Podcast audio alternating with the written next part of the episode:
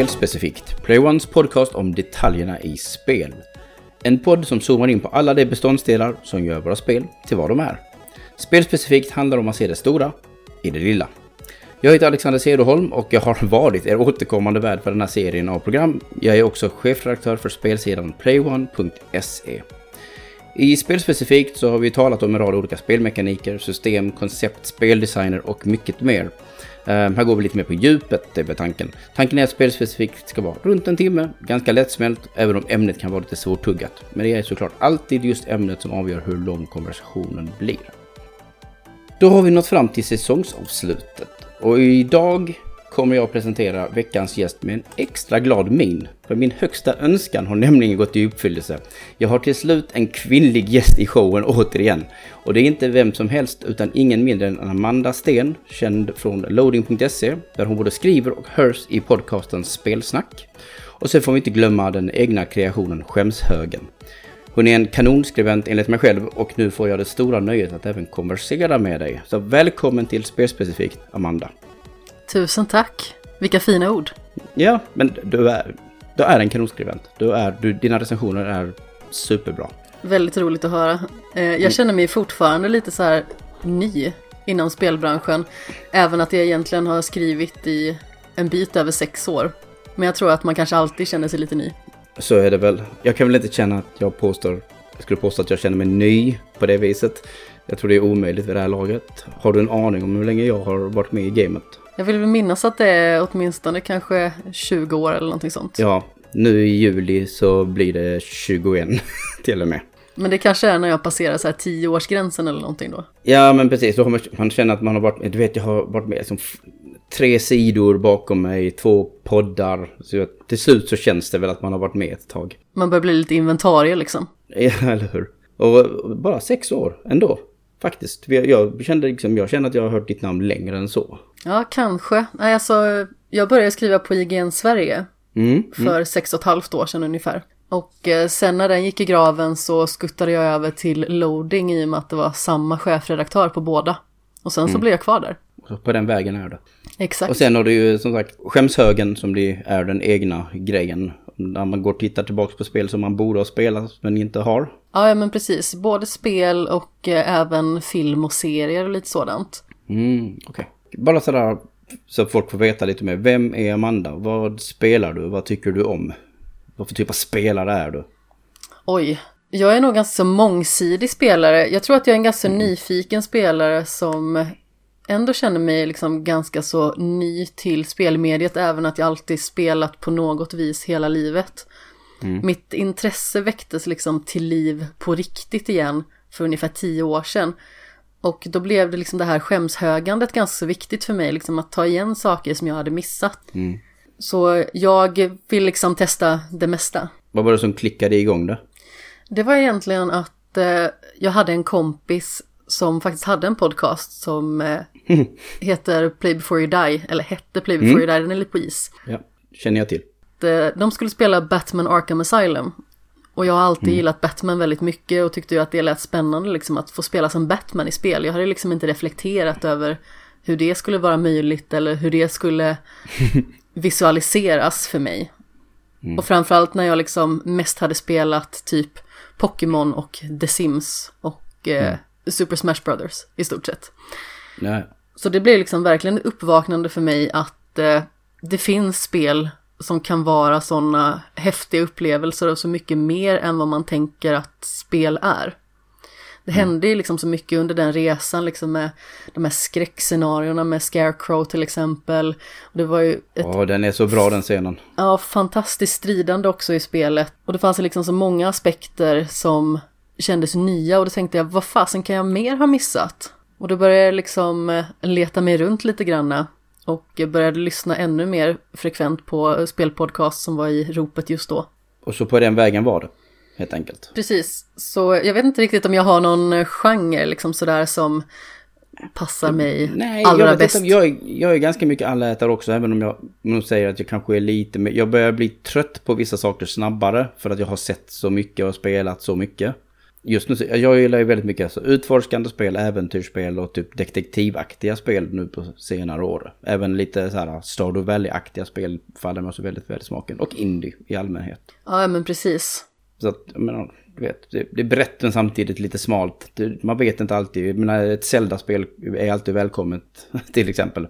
Ja men exakt och sen så finns det vissa spelserier som man liksom kanske följer lite extra om det skulle dyka upp någon ny titel. Mm.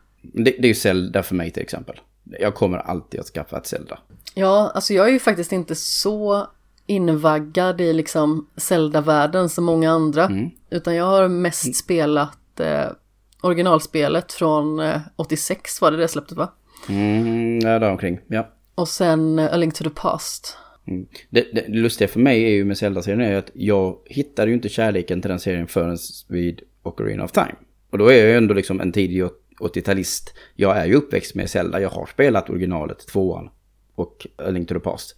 Men det var inte förrän 3D, Zelda blev 3D som jag verkligen gick, det gick igång på alla cylindrar för mig. Okay. Sen efter det så har det blivit mer och mer, fler 3D-sedlar och sen nu spelar jag även liksom de som är uppifrån perspektiven till exempel. Så jag, jag har en liten annorlunda väg än många andra ifrån samma kull om man säger så. Men det är en väldigt intressant spelserie på det sättet att den hela tiden försöker att förnya sig på något vis. Den är ju inte nostalgisk på det sättet att den hänger kvar i det gamla som den precis lämnar efter sig. Jag gillar de här olika huvudspelen på många olika sätt och jag gillar verkligen Breath of the Wild och det är väldigt annorlunda. Så, men jag har liksom lite kärlek för, för alla på något vis. Men vad är, vad är din serie? Oj, jag vet inte riktigt om jag har någon serie. Okej, okay. för du nämnde ju redan, man kan ju ha en serie. Jag tänkte, ja men då har hon en serie. Ja, jag funderar lite grann. Alltså en serie som jag verkligen känner just nu att det skulle gärna få komma en uppföljare på, det är ju Fire mm. Emblem. Och inte de mm. här uh, Dynasty Warriors avkommorna. Nej, nej, utan, like Free Houses. Precis, strategispelandet. Ja. Ja, ja. Mm. Det, det kommer nog så småningom.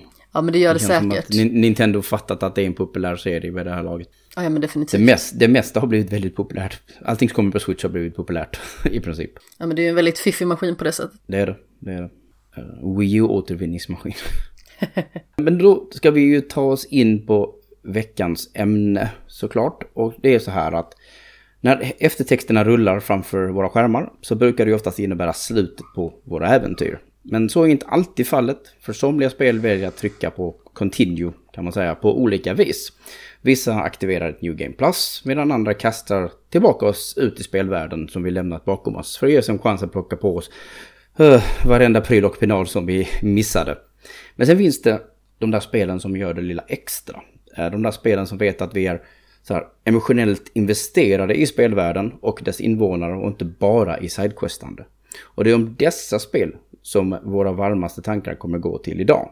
Eh, detta är en konversation om att se och eventuellt ges möjligheten att spela i en spelvärld där världen är räddad. Att liksom se frukten av sitt hårda arbete. Och det är där vi börjar idag. Ja. Mm. Så om jag säger så här, när jag presenterade det här ämnet för dig och du valde detta vill jag köra. Varför vill du köra det? Vad är ditt spel liksom? Vad är det du tänkte på? Det jag framförallt tänkte på är att det känns som att det här scenariot där världen redan är räddad. Mm. Det känns som att det inte det finns så jättemycket av det. Det kanske det gör och att det bara är liksom jag som har sovit under en sten. Men min känsla är att det är liksom någonting som väldigt sällan tas upp bara för att just det här målet att rädda världen eller att utkämpa ondska helt enkelt.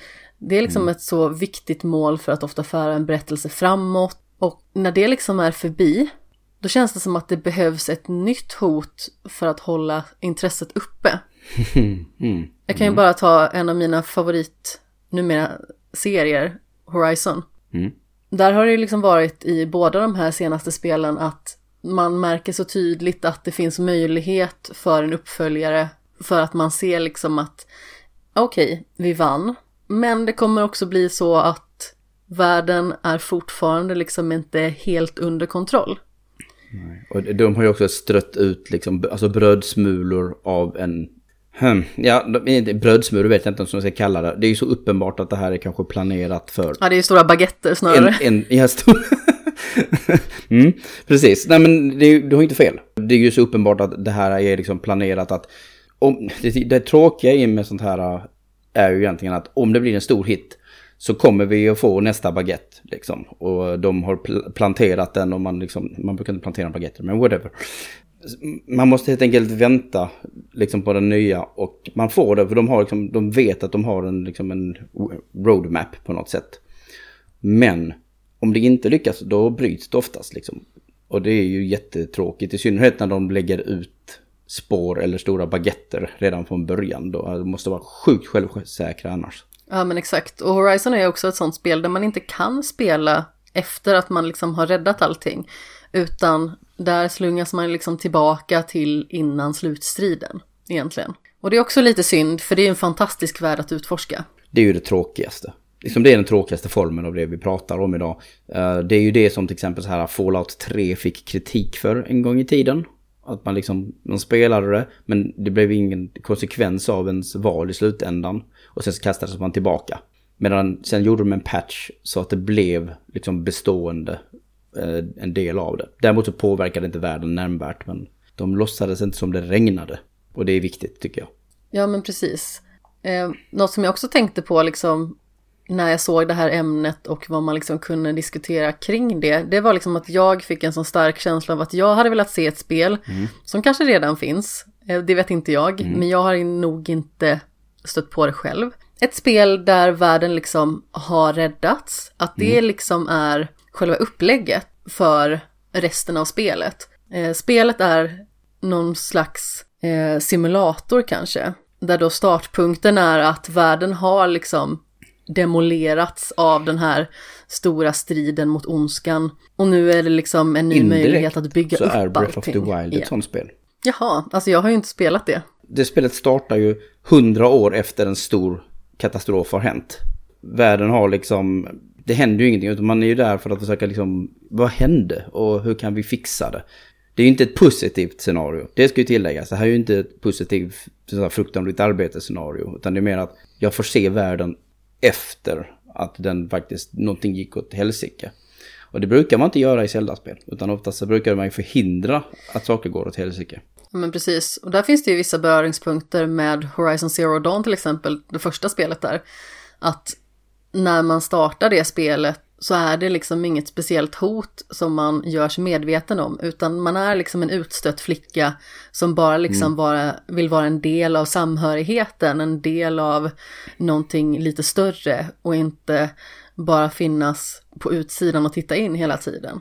Och där är det ju liksom tusen år efter den, fast, den faktiska apokalypsen. Ja, ja, jo precis. Det är ju verkligen som att du eh, spelar Final Fantasy 7-scenariot. Eller någonting. Ja men exakt. Om, har, har, du klarat Final Fantasy 7? Nej men jag har upplevt hela eh, i olika typer av delar. Jag har spelat vissa delar och sen lyssnat på vissa delar. Mm. Och, och, du vet hur det slutar, du vet outrot liksom. Att i slutändan så går det liksom, vad är det, 500-750 år eller någonting sånt och så ser man Red springa med sina barn eller om det är barnbarn, who knows. Ja men precis. Och så ser man Midgar i, liksom, i grönska. Precis som i typ som i ett uh, The Last of Us. Alltså allting var övervuxet och så vidare. Precis, naturen har uh, återtagit sin uh, egendom. Precis, och det är ju där Horizon är. Den positionen liksom. Precis. Sen vet jag inte om människor existerar i den världen efteråt. Det säger ingenting. det säger inte Final Fantasy 7 tror jag. Men det är fortfarande det är intressant, absolut. Det är precis, då är det mer som att man precis lever i postscenariot. Och det är väl ganska intressant egentligen på ett sätt. För att oftast är det att vi ska rädda oss ifrån vissa hemskheter snarare. Jo men exakt. Och i många simulatorspel till exempel, jag älskar ju Stardew Valley. Där mm, har man mm. ju en ganska så solid grund. Du har liksom din bondgård som du har ärvt och du ska ha vissa typer av sysslor för dig för att bygga upp den och liksom få den så grönskande som möjligt. Men att bygga upp någonting som är liksom totalt förfallet, det finns liksom mm. någon form av tjusning i det, känner jag. Mm. Har du talat om eh, Terranil? Ja, är inte det någon form av så här omvänd idé? Jo, precis. Det, det är ett Devolver-spel. Där de, precis, det är ett byggarspel som går ut på att man ska göra, skapa grönska i en värld. Just det, så var det ja.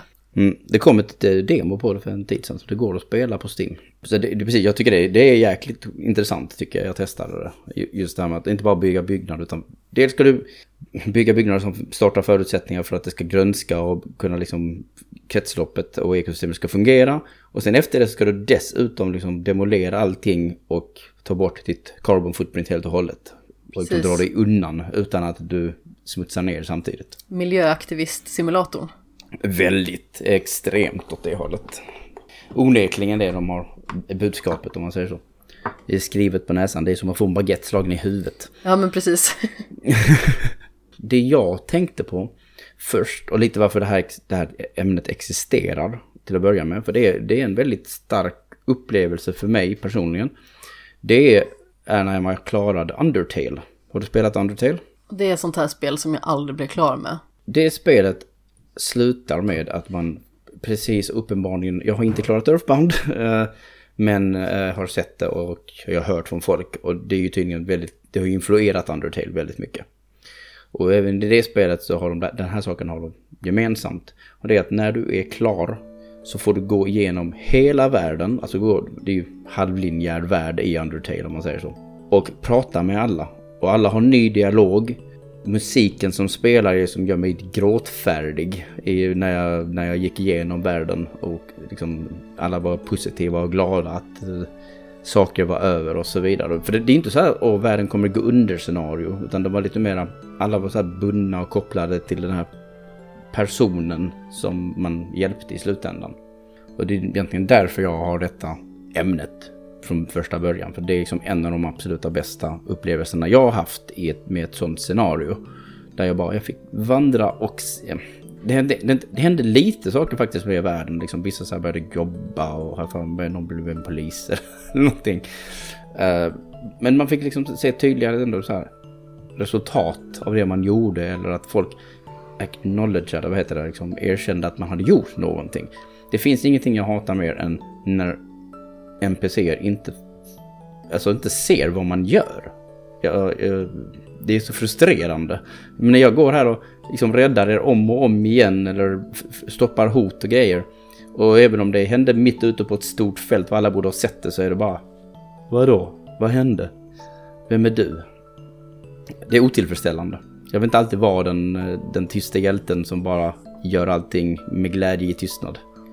Nej men exakt. Och det är ju det som är så himla tydligt då i hur spel kan skilja sig från varandra i var detaljerna har lagts egentligen.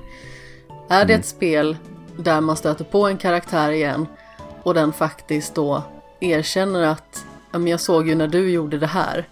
Eller jag vet ju när det här hände så mm. blev det så här. Då känner man ju liksom att man får någon form av feedback som känns lite härlig. Men precis, jag, jag är hjälten. För en gångs skull. Jag får, jag får känna mig som hjälten, inte bara oh, jag vet att jag är en hjälte. Liksom för att jag gör det jag måste. Uh, jag menar, jag vet ett exempel uh, är faktiskt från ett Zelda-spel. Det är från Twilight Princess. Som jag är otroligt frustrerad över. För att i det spelet, rätt sent, väldigt sent in i spelet, så uh, täcks hela Hyrule Castle av en stor, alltså av Twilight-zonen. Eh, så liksom, hela Hyrule Castle bara kapslas in. Och det står två stycken vakter utanför Hyrule Castle. Med liksom blickandes emot dig och med det här med slottet bakom sig och den här jäkla sfären. Och de är helt oblivious. Man har inte ens en aning att den existerar känns det som. Det bara känns som att ni borde kanske skrivit ändrat dialogen på de här och undra vad är detta för någonting. Och sen när man har tagit bort den så är de inte heller liksom, vadå? Och jag blev så, jag blev så sur på de jäkla NPCerna. Och jag tyckte det var så slarvigt av Nintendo att liksom missa det här att hela stan i överlag vet inte om att det finns en stor illavarslande sfär runt om hela slottet. Och det blir väldigt bisarrt för att då känns det liksom som ja. att man kanske själv typ hallucinerar eller någonting. är det bara jag som ja, ser det här? det, det, det hade ju varit ett intressant scenario om de hade tagit det till den punkten. Men så smarta var de inte, tyvärr. När man spelar spel så är det liksom man blir väldigt investerad i dem, i världen och så vidare till skillnad från en film. En film kan vara skitbra och du kan bli tagen och allt möjligt. Men i spel investerar du tid och delvis känslor och du har gott om tid att lära känna karaktärer och världen i sig. Så att om man får se hur deras liv förändras av det du gör i slutändan, oftast något heroiskt, det är ju extremt belönande i sig. Ja men verkligen. Eh, och jag kan ju liksom bara känna då, om vi tar film då som exempel, mm. där har man ju liksom en väldigt begränsad tid. En film har sin poäng, den har sin handling, den har en början och den har ett slut.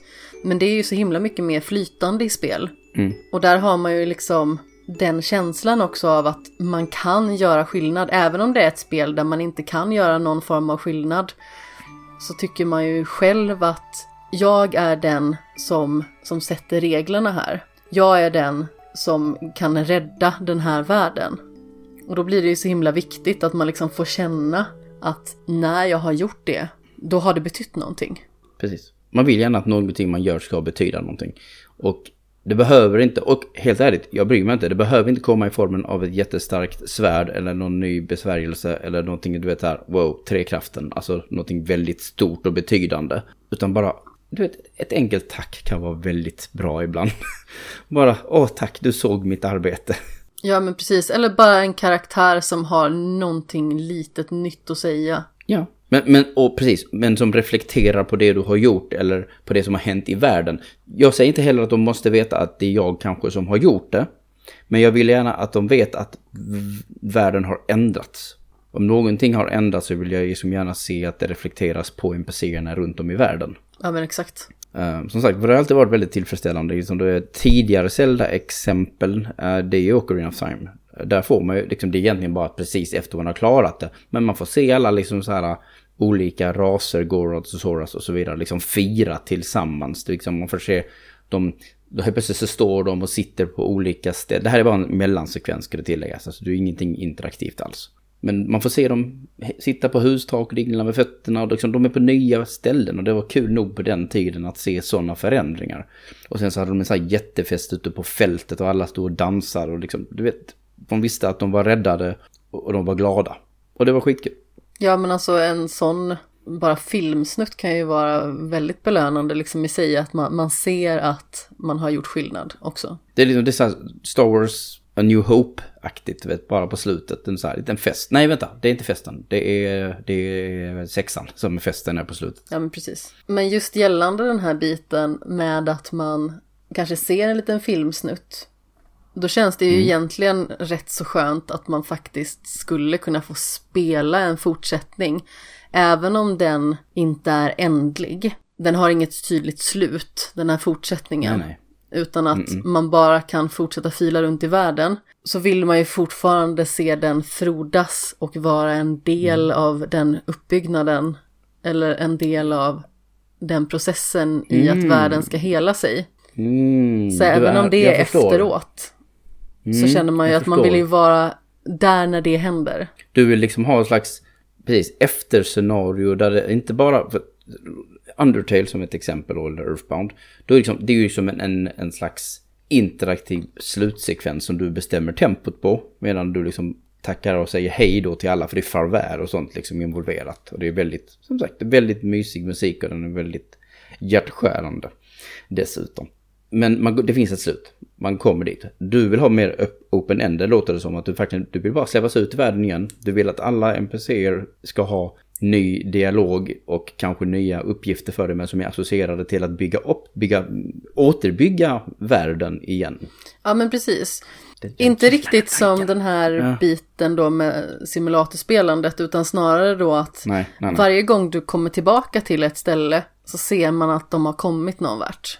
Du kanske är ute på ett litet uppdrag som fortfarande går att göra liksom efter att sluttexterna har rullat. Men sen när du kommer tillbaka till det här lilla huset så ser du mm. att okej, okay, det är inte ja. längre lika demolerat utan nu har de mm. liksom fått på taket igen som den här draken brände ner eller vad det nu kan vara. Det, det är ju, ja precis, ja, men det är ju exakt sådana, en detalj som man bara så, men du vet, man ser den, man vet, man har ju gått förbi den så många gånger och helt plötsligt är det någonting annorlunda och man för man kommer uppmärksamma det direkt. Och det betyder jättemycket för en. För man vet hur jobbigt det var med den här drakattacken eller någonting. Ja men precis. Men nu har de äntligen haft tid att bygga, åt, bygga tillbaks det liksom. Ja och man själv har ju liksom känt kampen. Men man vill ju också känna belöningen efteråt liksom när man ser allting falla på plats igen. Ja, nej, men, och, och den bästa mixen av det är ju att göra det liksom gameplaymässigt eller alltså interaktivt alltså narrativt samtidigt. Ja men Det blir verkligen. ju lite som att värld, världen berättar en historia blir det ju i princip. Jag undrar inte, det här är jätteknep, svårt men jag vet att spel har ju på något sätt gjort det. Men dra det ett steg längre, för du sa ju bara, ja men eh, jag menar ju inte på det här viset att man ska göra det, bygga det som ett strategispel. Men tänk om ditt spel helt plötsligt visar sig att det döljer sig, döljer på en Might Have Met Porsche eller Stardew-aktigt mekaniksystem efter att du är klar.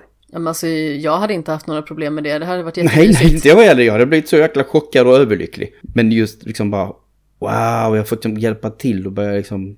Nu vet jag inte om vi ska liksom så grödor och grejer, men vi kanske ska bygga hus. Eller jag har alltid tyckt att det är kul att se städer i sådana här rollspel och liknande växa och man bidrar till att saker byggs eller liknande.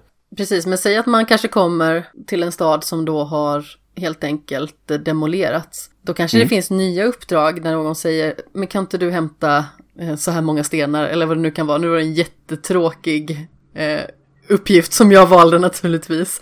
Det, det här finns ju i, eh, i Breath of the Wild. Där finns det en stad du kan bygga från scratch. Men den har inte någon tråkig bakgrund. Så jag gillar din idé bättre. För att du vet, du blir ännu mer investerad i det på något sätt. Ja, men exakt. Men så antingen liksom just den här stora biten är att man, man har besegrat det onda och sen efteråt liksom så får man se allting byggas upp igen. Och man får liksom vistas i den världen. Eller att det liksom är startpunkten egentligen i spelet att ja, men det här hände, nu är det din uppgift att eh, försköna den här världen och se till att den liksom återställs. Och att det liksom är då mer simulatorspelet. Vi sätter ytterligare en twist på detta. Vi vänder på det två gånger. Det börjar som en simulator där man bygger och håller på. Du vet, fem timmar in. Så helt plötsligt så är det en jätteattack och spelet förvandlas till ett action-äventyr, episkt spel av något slag som vi gillar. Så gör man det, det är huvudspelet. Och sen så går vi helt plötsligt tillbaka till det andra. Det hade ju också varit någonting. Ja, för då helt plötsligt är du väldigt investerad i allting som har byggts. Eller som, har liksom, som man har bidragit till med exempel i ett samhälle.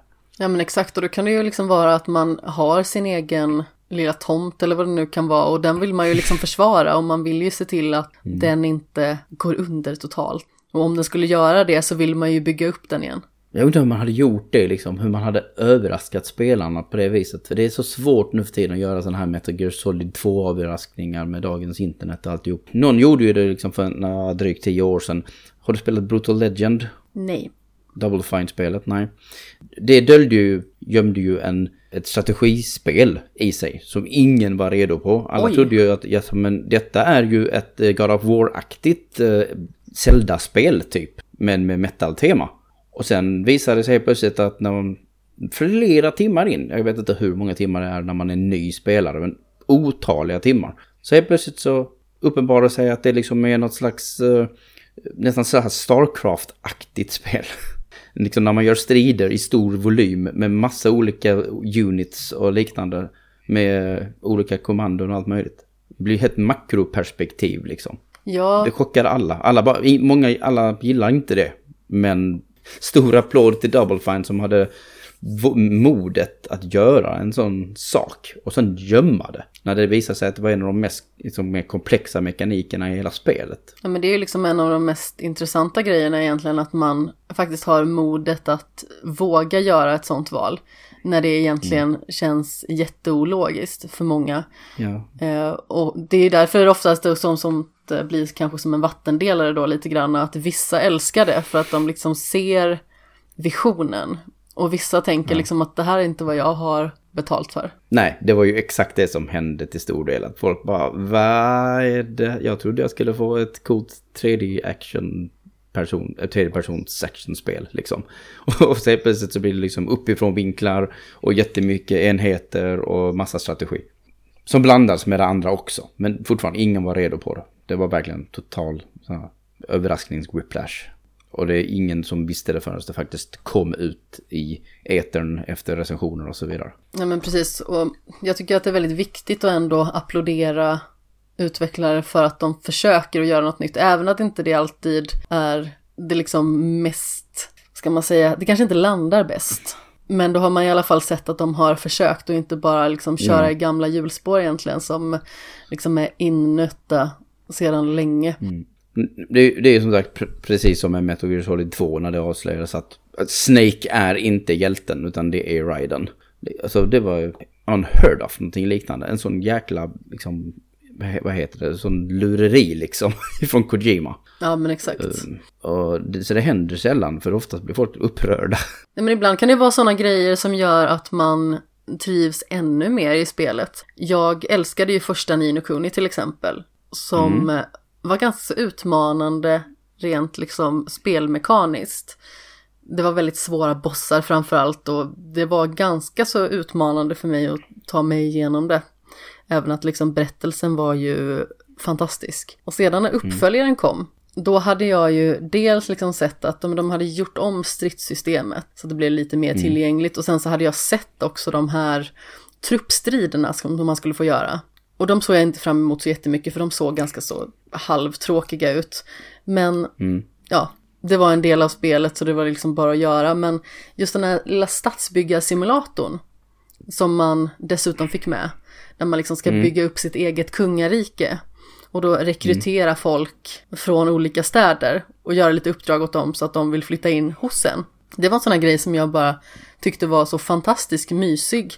Så det var nog en av de grejerna, förutom att leta skattkistor, som jag ägnade mig åt mest i hela det spelet. M- Mitt äldre exempel av eh, detta, för att jag är äldre, I guess, är ett Playstation 2-spel som heter eh, Dark Chronicles. Som också hade en sån här mekanik då, men du vet, lite simplare såklart, för det är ju mycket tidigare, det är väl tio år tidigare. Men där liksom, ja, jag kan bygga en stad, jag kan få en stad att växa fram eller något liknande. Det var väldigt. Det var ju inte alls... Det var väldigt tekniskt imponerande för sin tid. Ja men precis, och då får man ju inte bara äventyret utan man får ju liksom det här mikropillandet också liksom. Jag behöver den här nissen så att jag kan smida det här vapnet. Hur ska jag gå tillväga för att få hit honom? Jag gillar hur den här konversationen har gått om postspelande till att helt plötsligt bara så här belysa våran kärlek till bygg och alltså så här Stardew Valley-aktiga spel. För liksom vi, bara, vi ser omedelbart hur, ja men det är ju liksom skapande spel. Det är spel som handlar om att bygga åter och förnya saker och ge liv till saker. Så de, de har ju en helt logisk plats i det här scenariot som vi faktiskt talar om. Ja men absolut. Och precis som jag sa tidigare så var det ju verkligen det som ploppade upp i mitt huvud först när jag såg det ämnet. För jag fick ju liksom en lista av dig på ämnen som vi skulle kunna diskutera och där kände jag verkligen stack ut. För jag kände att det finns något här som jag vill ha. Men jag har inte riktigt sett så mycket av det. Nej. Nej men ja, den här konversationen har ju fått mig också bara nu jäklar, nu vill jag ha saker här. Innan som var mitt, vad sagt, framtids, liksom mitt önskescenario är något mer utvecklad version av farvälet i Undertale till exempel.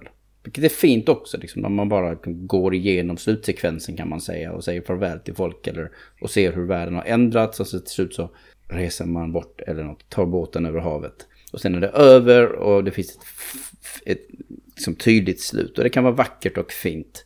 Men jag gillar den här tanken om att man nästan i princip stannar i spelvärlden men man, man sidequestar inte, håller inte på och plockar upp saker som man glömde eller någonting liknande. Det kanske man kan också få göra. Fast kanske inte, för att monstren ska vara borta, eller hur? Liksom, det ska inte finnas ett hot i världen längre egentligen. Så helt plötsligt så bara byggs det om till den här fredliga, wholesome byggsimulatorn där vi återupplever världen runt om oss. Ja men verkligen, och det kanske dessutom finns liksom någon form av möjlighet i det där scenariet att, eh, ja, men kanske typ så här återkoppla eller knyta an till gamla karaktärer som man har liksom stött på på, värde, äh, på vägen.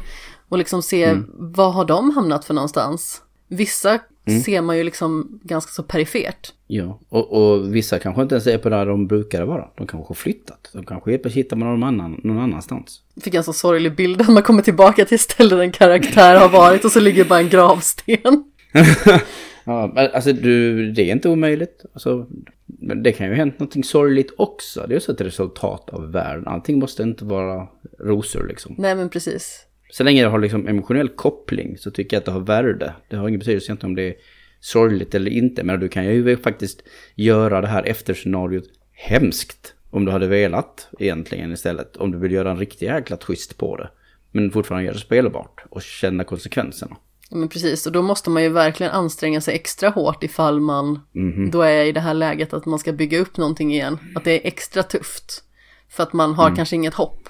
Okej, om, vi, om vi tittar på den här typen av eh, scenario som vi nu börjar skapa, liksom att vi vill rädda världen, vi vill bygga upp den, vi vill se det.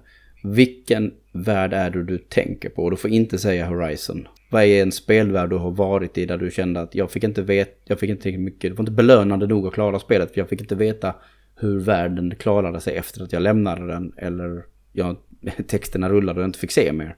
Vilket spel är det du vill göra detta med? Oj, ja det var ju en väldigt klurig fråga faktiskt. Alltså det första som kommer upp i eh, huvudet är ju första Nino Kuni, men jag tror att det var för att jag var liksom så utpumpad på energi efter att ha suttit med slutbossen i 40 minuter.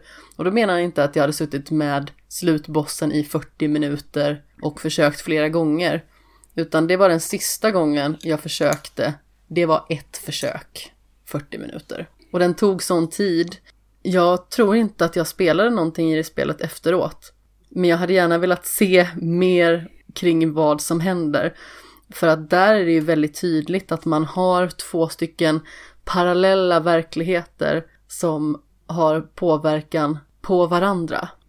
Och hur de liksom dessutom kanske eh, samfungerar då i det här eh, efterräddandet scenariot.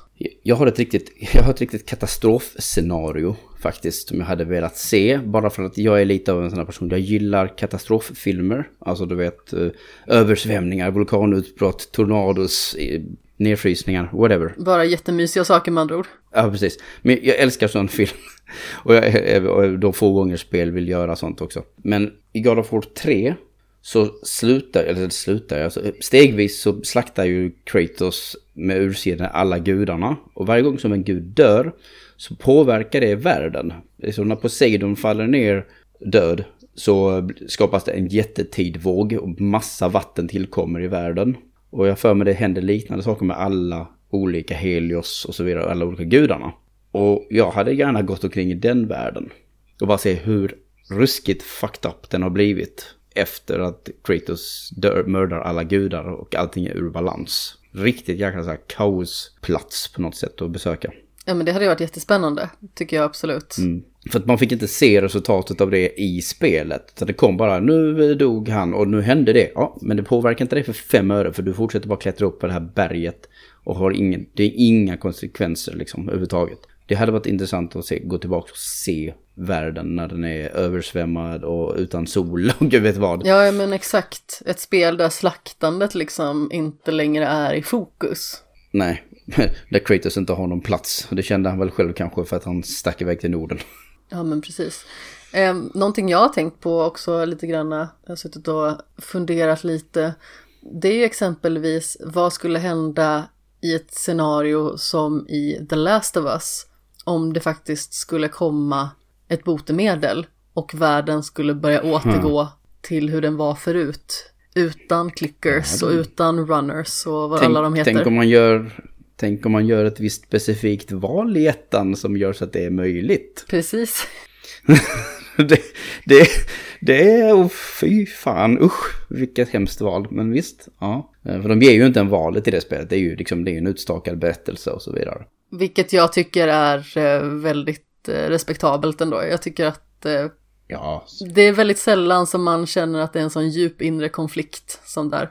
mm, nej, ja precis. Jag undrar om det, hade det varit någonting? Att, att se världen gå tillbaka liksom. Men visst, det hade ju verkligen varit kanske belönande, men på bekostnad av något, ett, ett stort offer liksom. Ja, och sen också har jag funderat lite på hur skulle det vara att spela Mass Effect efter liksom den här stora Reaper-attacken. Där de här olika raserna liksom kanske då får nya platser i samhället. Vilka är det som regerar? Finns det liksom fortfarande något form av council? Alltså om vi tar det också precis efter att det här kaoset bröt loss och att världarna blev attackerade.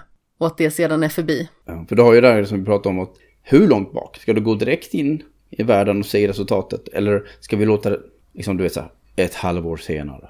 Eller ska vi gå, liksom, som jag säger, Final Fantasy 7-rutten bara, 500 år senare. Ja men precis, eller Horizon, tusen år senare. Eller Outer Wilds, 15 miljarder år senare.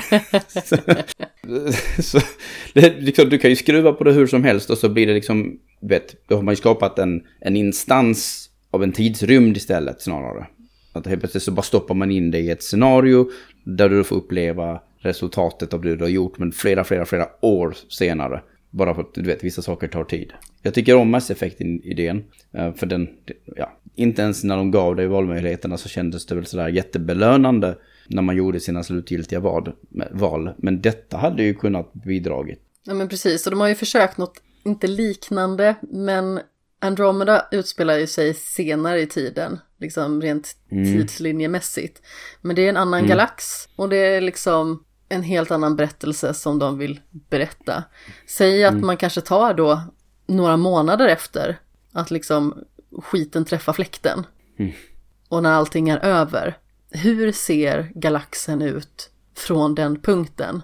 Vilka raser har ens överlevt? Ja, just det. Det är ju en risk baserat på dina val. Så sådana grejer tycker jag hade varit eh, så superspännande. Som du Andromeda till exempel. Så ibland så är ju alltså ett helt spel är ju efter scenariot.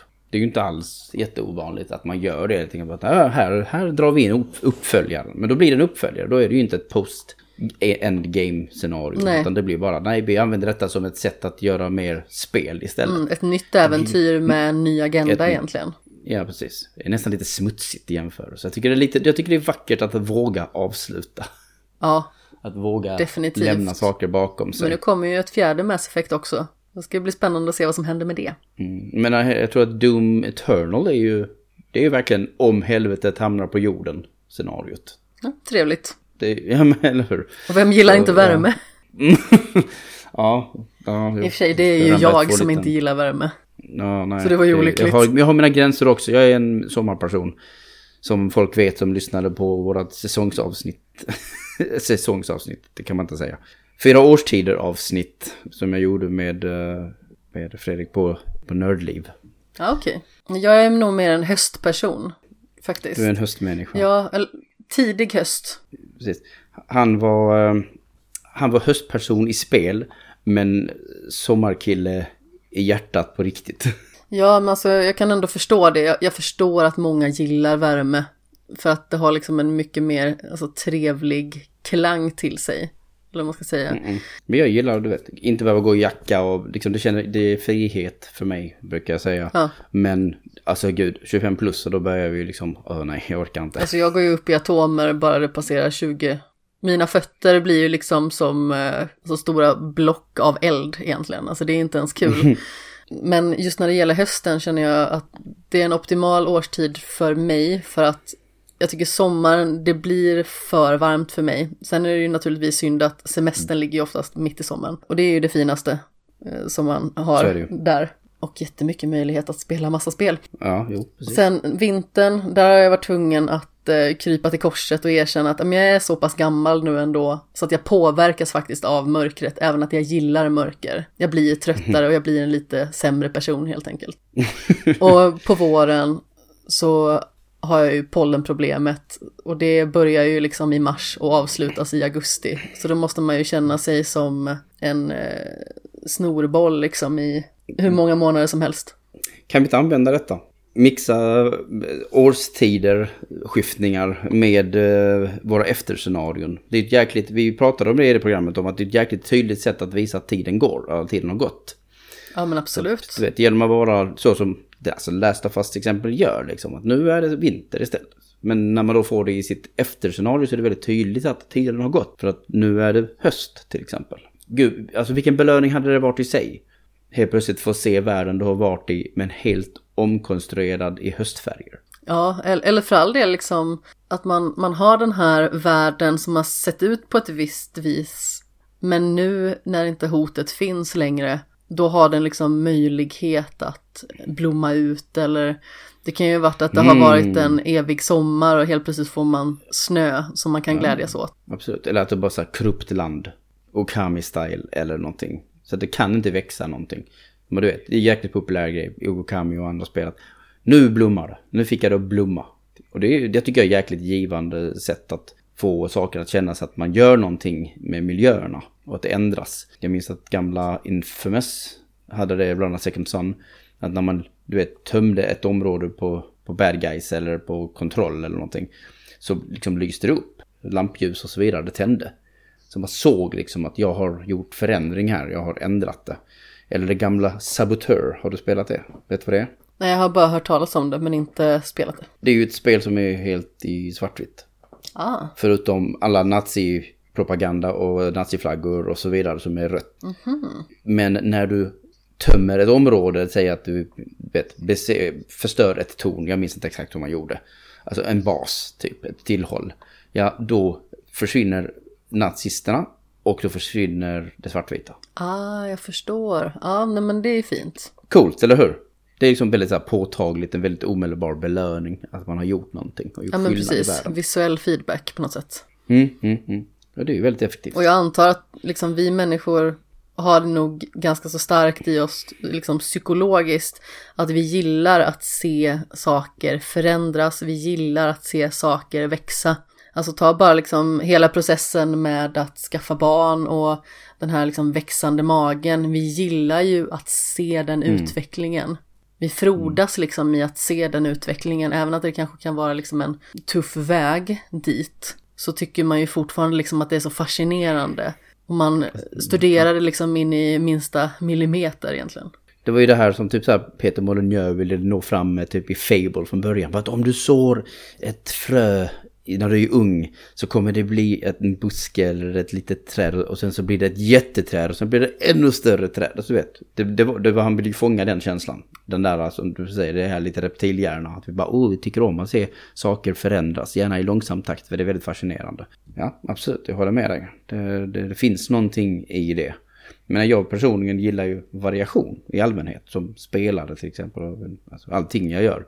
Gör jag någonting för mycket så börjar jag bli liksom uttråkad. Och som du säger, förändring är ju variation i sin grund. Ja men precis, och om man har varit fast i någonting väldigt länge och så byter man helt plötsligt till en annan sak, då är det väldigt lätt att fastna i den också för att man känner liksom att oh, den här nya spännande grejen som förmodligen inte alls är ny och spännande, den känns så fräsch för mig just nu och den är så belönande för att den gör någonting annat. Mm, absolut. Ja, det, många intressanta idéer och tankar och väldigt mycket sånt här armchair developer eh, beteende idag. Men jag gillar det. det. Det är ett värdigt avslut på, på spelspecifikt för den här säsongen tycker jag.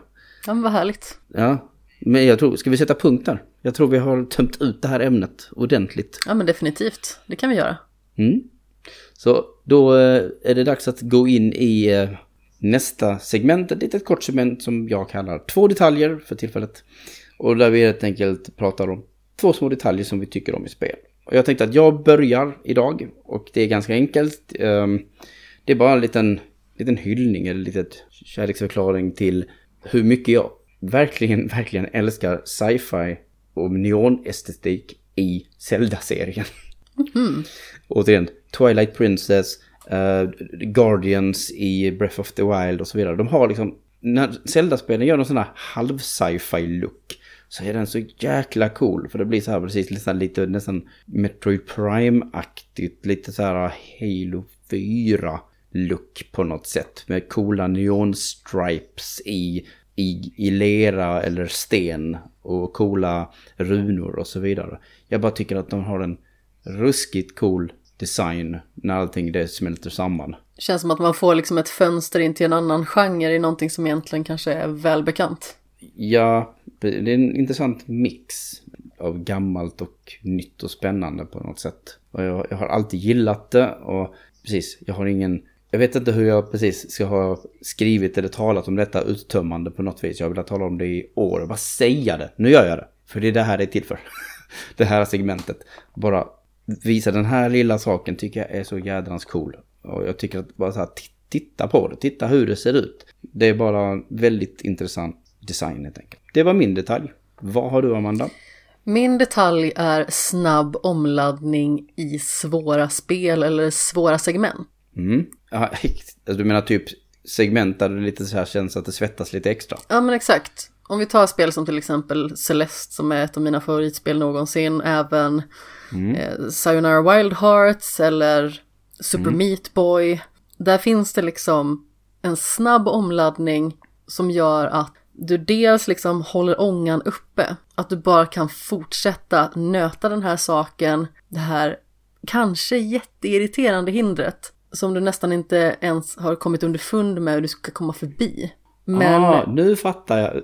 Jag missuppfattade dig lite. Ja, en okay. snabb omladdning som en quick load. Ah, okay. Det är det du menar. Jag trodde att du menade så här, nästan active reload, ladda om vapen grejen till exempel. Ah, jag förstår. Nu, bara, nu, är jag, nu är jag lite lyssnare också bara för att vara förtydligad, för jag missuppfattade. Men nu fattar jag. Du menar, ja precis, med eh, Geometry Wars i mitt fall till exempel. Jättesnabb quick load så man kan in, in i scenariot direkt igen. Ja men precis, för det finns inget mm. mer irriterande än när man sitter på ett liksom, segment som är jättesvårt och man sitter och nöter det och sen så måste man sitta och vänta emellan. Dels så ges man väldigt mycket utrymme för att bygga upp irritation, man sitter och muckar liksom emellan de här små segmenten där man får möjlighet att testa sina nyfunna egenskaper eller vad det nu kan vara. Och sen så dör man direkt och sen så måste man sitta och vänta. Och när det gäller sådana här spel så är det så otroligt viktigt att liksom bara så här, okej, okay, du dör, nu börjar om här igen. Och det gör också att Hotline man liksom... Miami är också ett sånt spel. Precis. Det gör att man får den här känslan att, okej, okay, jag dog nu, men nästa gång så sätter jag det. Och man känner fortfarande så typ 49 gången. Nej, precis, för att man har en halv sekund på sig att bara, okej, okay, på det igen. Och, och, då måste ju loopen vara kul. Men det är det som är grejen. Loopen är kul i de här spelen som du har nämnt. Och jag minns själv hur magiskt det kändes för ja, 10-13 år sedan när det här började komma. När, man, när spelen, när de kom på att sådana här typer av spel måste snabbladda. Nu är det mycket långsammare spel, men det är ju horribelt i spel som Dark Souls. Att bara, jag dog, nu måste jag vänta 20 sekunder. Alltså jag våndas ju av att bara sitta på och kolla på någon annans skärm. ja, det är en lösning. Men, eh, men just de här små snabba rappa spelen, de, de behöver det. Ja men verkligen, alltså det senaste exemplet jag kan tänka på liksom sådär som jag har spelat mycket, det är Olly Olly World. Det är kanske inte ett jättesvårt mm. spel i sig, men vill man perfektera en bana och liksom nöta den för att få den så ultimat som möjligt, att inte bryta sin kombination till exempel från start till mål. Då är det så himla fiffigt att det liksom bara är att hålla inne triangel i mitt fall, för jag spelar på Playstation 5 och bara börja om från början. Och så rullar man igång mm. igen. Och då känner man liksom bara så, man känner sig så nöjd för att då känner man okej okay, jag är inne i det här, snart kommer jag till det här stället igen. Jag gillar också den här när man, när man kan, jag tror att det här nya Neon White har det också, att man verkligen ska kunna snabbt med ett knapptryck egentligen nästan bara starta om. Dessutom, inte bara när man misslyckas, utan om jag känner att i Tony Hawk att jag, det här är inte tillräckligt snabbt, det här är för dålig start, det är inte värt min tid. Reload, pang, och så kör man igen. Det finns vissa spel som sätter dem på liksom bara en knapp. Och det är det man kan bli så himla fnattig på också, liksom när man spelar äldre spel i synnerhet. Mm. Det kan ju verkligen vara ett stort hinder. Att spela... Hur gamla spel pratar vi? Ja, alltså ända liksom till NES-eran för den delen. Mm -hmm. mm. NES-spel var ju egentligen ganska snabba. Ja, men precis. Men jag, jag är ju uppväxt med så här Commodore. Med kassettband eller diskett i mitt fall. Och det var verkligen så här, Movie Monster Game till exempel. Där man spelar så Godzilla, lookalikes och grejer. Och sen så dog jag. Och så fick jag inte, alltså det tog fem minuter innan jag var inne i en ny spelomgång. Ja, fem minuter. För bara för att jag först ska ladda för att komma in till alltså startskärmen igen. För att det måste den hitta den positionen i kassetten eller i disketten. Och sen ska du hoppa förbi det, välja monster, välja stad och det laddar liksom mellan varje av de här. Och sen starta, starta igång själva spelet igen. Absolut löjeväckande liksom. Ja men precis. Det här har ju liksom varit ett problem liksom i många spel, både från den gamla goda tiden till nu. Att det tar tid mm. i vissa spel. Ja. Och... Eh, ja, det, är, det är design, det är programmering i någon form. Och lite SSD-diskar, det hjälper ju nu för tiden. Mm. Ja, men absolut, håller helt med. Varför inte, varför inte joina oss på den här om vilka spel tycker ni har ett riktigt bra så här quick reload? Det kan, ni, kan vi ju prata om eventuellt på Twitter och Facebook och så vidare. Se vilka exempel ni gillar med den typen av spel. Ni har ju lyssnat på Spelspecifikt. Eh, vår podcastfeed hittar ni på under Player One presenterar. Vi finns i valfri podcastspelare. Eh, glöm inte heller att klicka på den här prenumerera-knappen så ni är redo för nästa säsong. Och som sagt, gillar ni vad ni lyssnar på oss och smäll gärna in ett betyg. Och så hjälper, det hjälper oss att bygga popularitet och tipsa vänner i största allmänhet. Sen har jag såklart en öppen inbjudan till programmet, alltså säsong 2. Så har du ett bubblande behov av att få ventilera dig om spel, då tycker jag du ska anmäla intresse och medverka i programmet. Alla snacksugna med en vettig mikrofon som jag brukar säga är välkomna till Spelspecifikt och prata med mig om allsköns ämnen. Mina DM på Twitter är öppna och det leder mig väldigt osökt till att jag heter dogma understreck på Twitter. Och som sagt, jag är ju väldigt glad att jag fick avsluta säsongen med en kvinnlig gäst. Och jag hoppas det blir fler i framtiden. Så ja, alla hälsosamma perspektiv är välkomna. Var hittar man dig Amanda? Eh, mig hittar man på loading.se eller på Spelsnack. Vi släpper avsnitt varje vecka. Eh, Skämshögen släpper avsnitt en gång i månaden ungefär och och på sociala medier heter jag snabla kapten Sten. Sten med två E. Mm. Vårt fantastiska intro och outro till programmet är gjort av Dominic Ninmark som gjort spelmusik åt bland annat spel som Strikey Sisters, Rival Megagun, Mighty Goose och Blazing Chrome. Dominic hittar ni på Youtube som Dominic Ninmark och på Twitter som att Dominic Ninmark. Slutligen också tack till dig Amanda för att du ville vara med här och avsluta säsongen tillsammans med mig. Och tack för att jag fick vara med, det var jätteroligt. Det gick lite olika håll som jag inte var redo på, men jag tyckte det var ball. Det blev väldigt mycket spekulerande och jag tycker om när det är spekulerande i spel specifikt. Så tack för den. Och jag vill också tacka ödmjukt för att ni har velat skänka era öron åt mitt babblande och all vänlig och givande feedback jag fått höra under det gångna halvåret. Uh, jag känner att ni känner min entusiasm för den här typen av spelsnack. Och det är smickrande, det är peppande och det har uppmuntrat mig att göra säsong två. För nu är det så att nu går spelspecifikt på säsongsuppehåll under sommaren. För det, ja, det är dags för mig att stressa ner, ta lite välbehövd semester. Jag, jag vågar inte lova exakt när showen återvänder. Men håll utkik på playerone.se, våra sociala medier eller min privata Twitter. För att veta när det är dags på nytt. Men äh, nu har vi 20 ämnen bakom oss, men tro mig, vi har många fler ämnen framför oss. För vi får ju aldrig glömma att se och uppskatta det stora i det lilla.